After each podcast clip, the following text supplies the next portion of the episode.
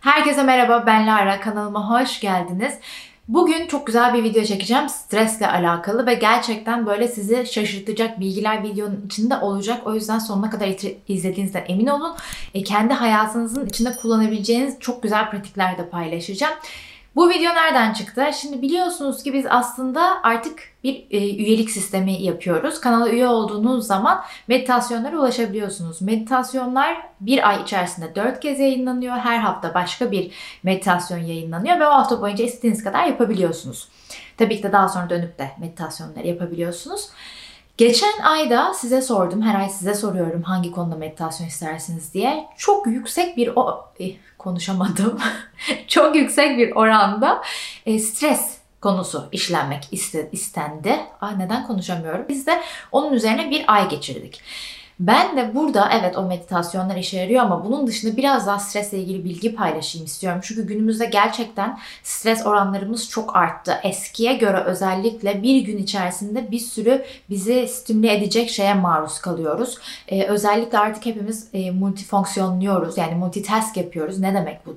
İşte e, televizyon izlerken telefonumuza bakıyoruz. Telefonumuzdan WhatsApp'tan konuşuyoruz ama bir yandan Instagram'dan da e, bir şey halletmeye çalışıyoruz. O sırada internetten kıyafet bakıyoruz falan. Yani sürekli bir e, multitask yapma halindeyiz.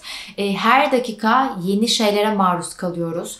E, artık mesela televizyon izliyoruz. Bir televizyon izlerken bile işte o reklam, bu bilgi şu şu şu şu şu bir Instagram'a giriyoruz. Sırf şöyle yapmamızdan bile bir anda gözümüzün önünde bir sürü farklı imaj oluyor ve bir sürü farklı ekrana maruz kalıyoruz gibi gibi ve bunlarla beraber de aslında stres seviyelerimiz çokça yükseliyor. E, aslında günümüzün teknoloji durumunda hatta zaten artık şu söyleniyor hani postmodernden post postmodernizme doğru gitmeye başlıyoruz ve bu dönemde işte teknoloji çağı diye söyleniyor.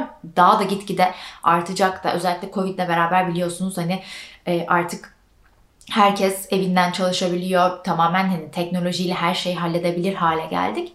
Neyse konumuza dönelim. New York Times'da bir tane makale okudum. Ee, adamın adı Matt Richel diye bir adamın makalesini okudum. Ve e, şundan bahsediyor. Hani bir gün içerisinde biz sürekli aktifiz. Yani neredeyse uyumadığımız her an biz hepimiz online'ız. Ben sonra bunu biraz kendimden düşündüm. Gerçekten işte ya internetten mesela bir makale e, okuyorum. Sonra ondan bir işte e, video çıkarmaya çalışıyorum. Ondan sonra mola mı veriyorum? YouTube'dan bir tane video izliyorum. Sonra işte o bitiyor. E, WhatsApp'tan birisiyle konuşuyorum. İşte e, öbür taraftan geçen gün mesela telefondan e, laptop'tan bir iş yapıyorum. Bir şey okuyorum. E, onu okurken yemin ediyorum bak size herhalde e, 15 dakikada okuyacağım bir makaleydi benim.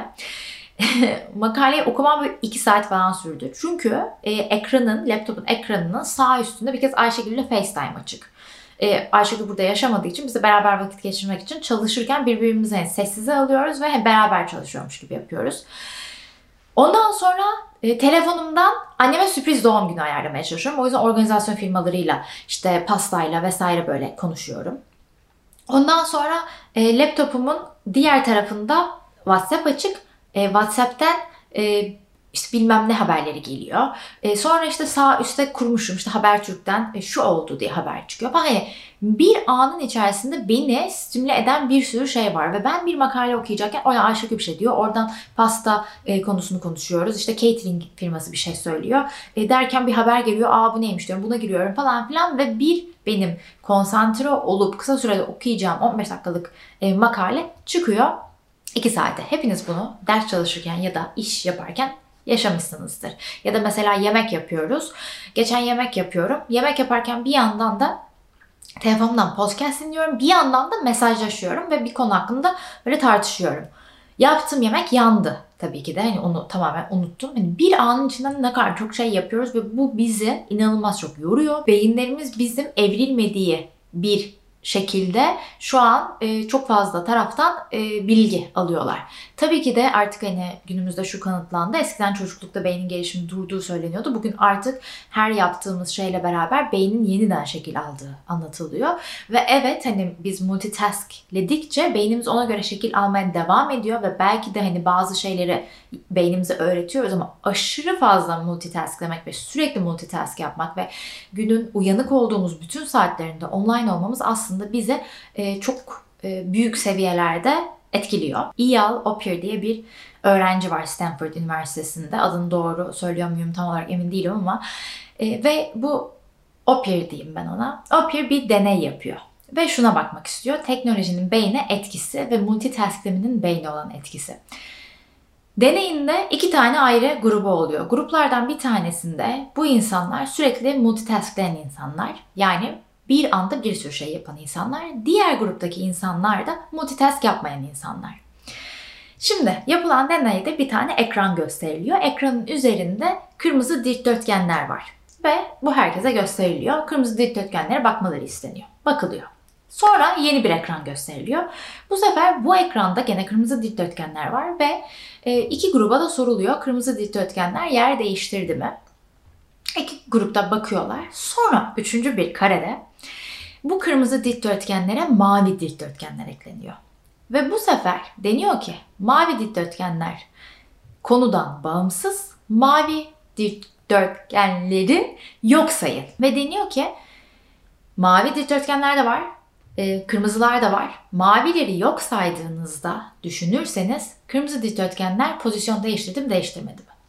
Ve sonucunda görülüyor ki multitaskleyen insanlar mavi dikdörtgenleri yok saymakta zorlanıyorlar ve kırmızı dikdörtgenlerin yer değiştirip değiştiremediğini bilemiyorlar. Yeterince bilemiyorlar. Çünkü mavileri de görüyorlar.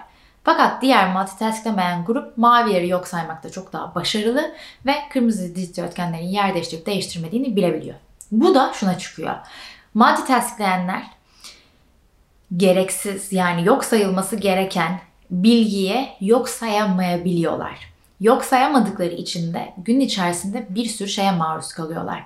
Ve bir bilgi geldiğinde o bilgi gereksizse o bilgiyle dikkatleri dağılabiliyor. O bilgiye daha çok hassaslar. Ne demek bu? Benim laptopumda makaleyi okurken sağ üstten Habertürk'ten bir şey geldiğinde ona dikkatimin dağılması ve onu yok sayıp makaleme dönmek yerine aa enteresanmış deyip ona tıklayıp e, oradaki haberi okuma. Ve aslında hepimiz yani bir gün içerisinde bizi stimüle eden bir sürü şeye maruz kalıyoruz. E, özellikle aslında şu an hani bizden de sonraki jenerasyon ben mesela hani 90'ları da yaşamış bir çocuk olarak ve benim lise zamanımda iPhone'lar yoktu. Yani evet telefonlar vardı, BBM vardı, BlackBerry vardı ama e, iPhone'lar yoktu. Yani sosyal medya bu kadar böyle yaygın değildi. Hepimizin her dakika elinde değildi. Bir gün içerisinde yani 40 kez sosyal medyanı e, check etmiyordun. Bu zamanları da yaşamış olmak çok güzel benim için ama benden de sonraki jenerasyonlar için aslında teknoloji çocukları yani teknolojiyle doğup teknolojiyle büyüdüler. Artık küçük çocukların elinde minik e, iPad'ler var. Bunu da yargıladığımdan e, dolayı söylemiyorum bu arada. Bunun hakkında da konuşuruz. Bunun etkisi hakkında. Onun üzerine de güzel bir şey okudum. Neyse konumuz o değil. Konumuz neydi? Nereden buna bağladım? E, bir gün içerisinde çok fazla e, şeye maruz kalıyor. Ha, şunu söyleyecektim. Mesela bir tane çocuk e, televizyon izlediğinde ya da hepimiz televizyon izlediğimizde bir dakikanın içerisinde bir sürü kare var. O kare bu kare bu şu kare falan. Eskiden e, televizyon izlerken mesela bir kare daha uzun kalırdı. Sonra başka bir kare. E, bir arkadaşımla konuşuyorduk. O bana bundan bahsetti. Bir tane Japon çizgi filmi varmış. Yeni adam e, bunu e, tekrardan böyle deniyor ve gündeme getiriyor. Çizgi filmin adı da Spirited Away. Ve bu çizgi filmde görüntüler çok daha uzun süre ekranda kalıyorlar. Yani bir anda bir sürü görüntü yok. Yani çocuklar bir anın içerisinde bir sürü bir sürü bir sürü şeye maruz kalmıyorlar. Sonra Kelly McGonigal diye bir psikoloğun TEDx konuşmasını izledim. E, bu psikolog aynı zamanda Stanford Üniversitesi'nde de profesör.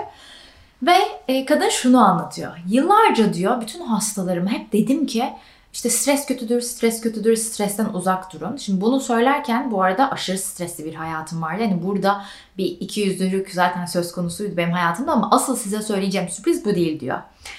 Ben bugün öğrendim ki diyor Uzun süredir belki de hastalarıma bir kötülük yapıyordum stresten uzak durun diye onlara stresi kötü bir şey olarak tanıtırken. Çünkü bir araştırma yapılmış. Bunun üzerine birkaç araştırma daha, yani bir sürü araştırma var. Bunlardan bir tanesi de 8 sene boyunca iki grup insan inceleniyor.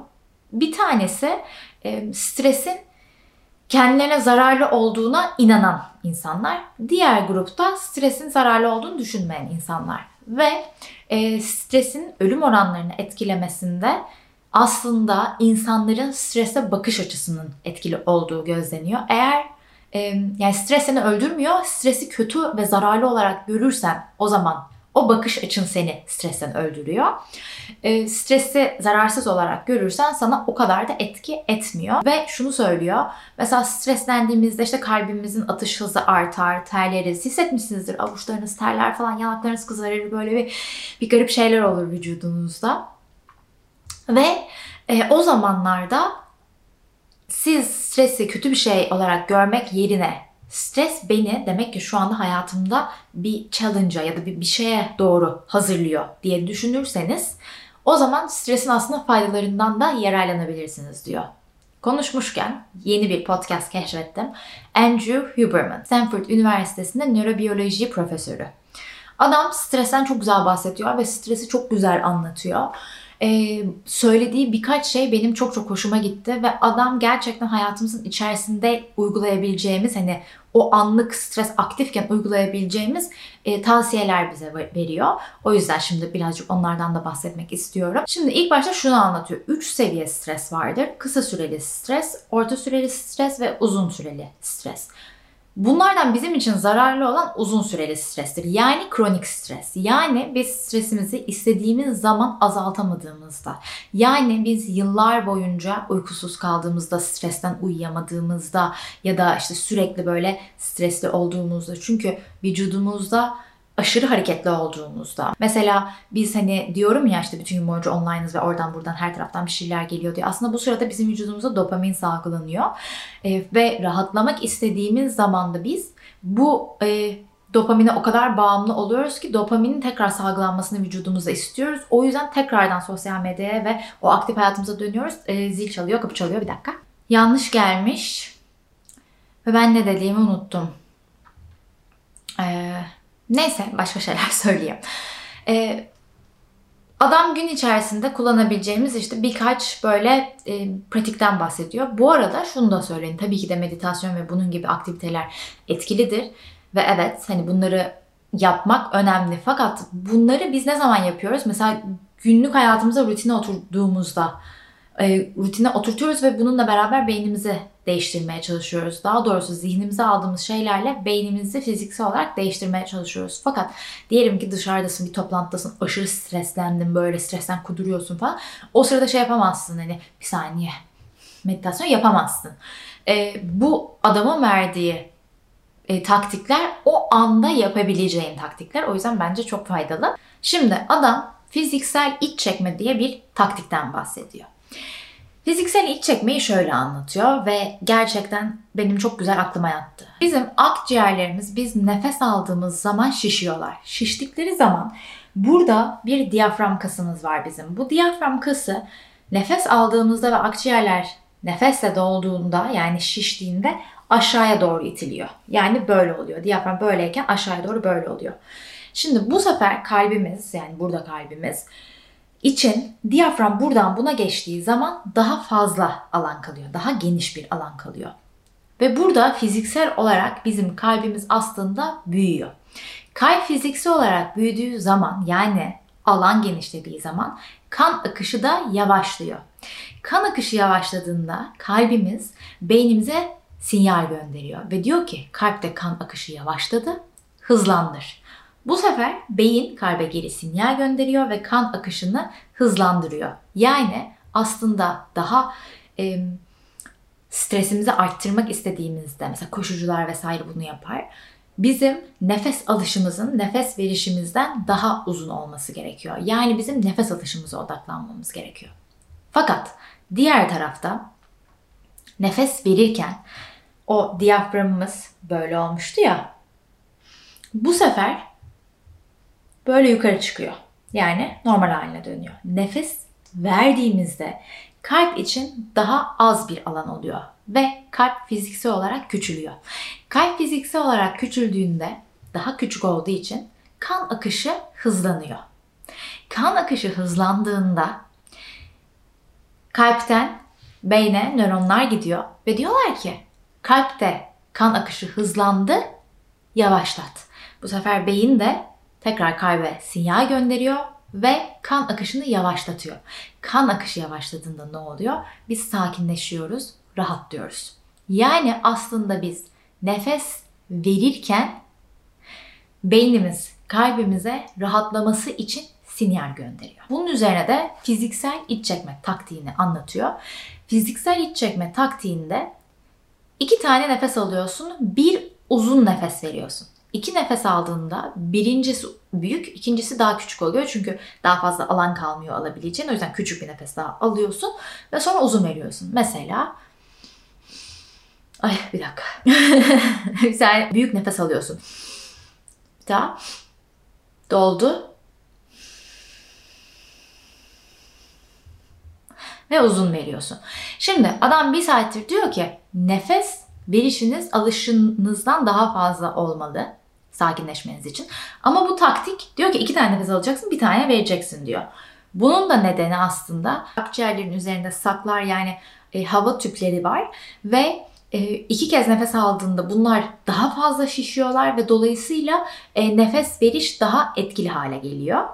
E, o yüzden hani çok streslendiğiniz anlarda zaten hani bazen bunu beden otomatik bile yapıyor böyle görmüşsünüzdür ya da hiç e, yani yapmışsınızdır böyle şey olursun diye sakinleşmeye çalışırsın. O yüzden bunu hani bilinçli bir şekilde yapabilirsiniz. E, iki tane nefes alıp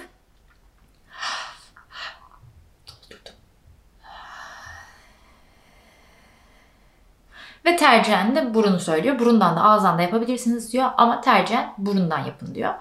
Şimdi bu bir tanesiydi. Bir de söylediği bilgilerden bir tanesi şu an aklıma geldi. Benim çok hoşuma gitti. Şunu söylüyor. Mesela çok streslisinizdir diyor. E, stresli olduğunuzda işte aşırı çok dopamin salgılandığı için aslında o dopamin sizi hasta olmaktan korur. Yani belli seviyede stres iyidir ve stres sizi hasta olmaktan bile korur diyor. E, o dopamin mesela günlük hayatınızda stresle e, size sizin vücudunuza salgılanıyor tamam mı? Sonra tatile gittiğinizde hep dersiniz ki işte tatile gideceğim, dinleneceğim vesaire. Tatile gidersin ve dinlenmeye başladığın an bir anda hasta olursun. Hiç oldu mu bu size? Bana çok oldu. Tatile gidiyorum ve ertesi gün böyle hasta oluyorum. Bunun sebebi de vücutta dopamin seviyesi düştüğü için hastalığa karşı bizi koruyan bu hormon azalıyor ve dolayısıyla biz bir anda rahatlayacağım derken hasta oluyoruz. Bence enteresan bir bilgi. Son olarak da şundan bahsediyor. E, beyin ve beden arasında bir e, konuda bağ e, ayrıştırabilirsiniz, kopartabilirsiniz diyor. Şimdi diyor ki mesela gün içerisinde çok fazla yapacağınız şey var. Aşırı yoğunsunuz. İşte sabah e, onu yapmanız lazım. Oradan şunu, oradan bunu. Akşama kadar böyle bütün gün bir şeyiniz var. Şimdi e, beden bütün gün hareketli ve stresli ve beyin de yani zihin de stresli. Diyor ki e, diyelim ki koşu bandındasınız ya da spordasınız ya aktif olduğunuz bedenin aktif olduğu bir zamanda koşu bandındasınız ya da dışarıda koşuyorsunuz beden aktif.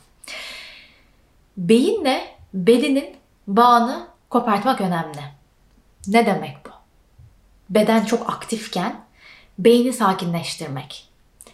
Diyor ki diyelim ki yürüyüş yapıyorsunuz ya da koşu bandındasınız bakış açınızı genişletin ve baktığınız yeri görmeye çalışın. Ve beyni bu şekilde sakinleştirin.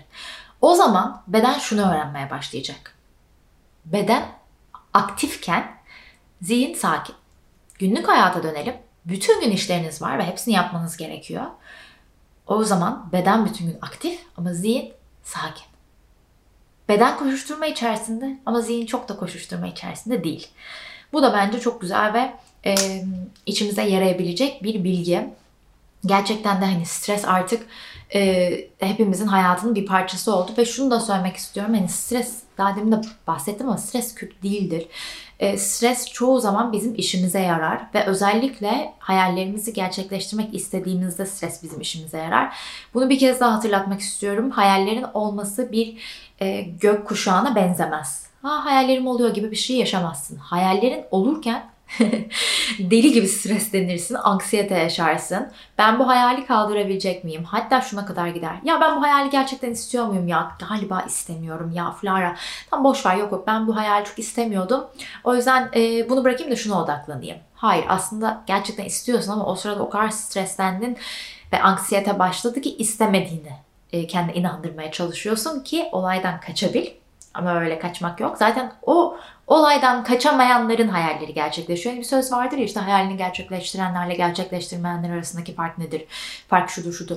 İşte bence fark bu. Bir tanesi e, stresin varlığıyla barışık ve stres orada olmasına rağmen e, devam ediyor ve stresi e, onu destekleyen bir şey olarak görüyor belki de. Yani beni bir duruma hazırlıyor diyor diye. Ya da stres geldiği an panikleyip topukluyoruz. O yüzden bu konulara hayatınızda dikkat edebilirsiniz. Umarım videodan keyif almışsınızdır. Hepinizi çok öpüyorum. Kendinize iyi bakın. Bay bay. Come all ye faithful, joyful and triumphant. Come ye, come ye.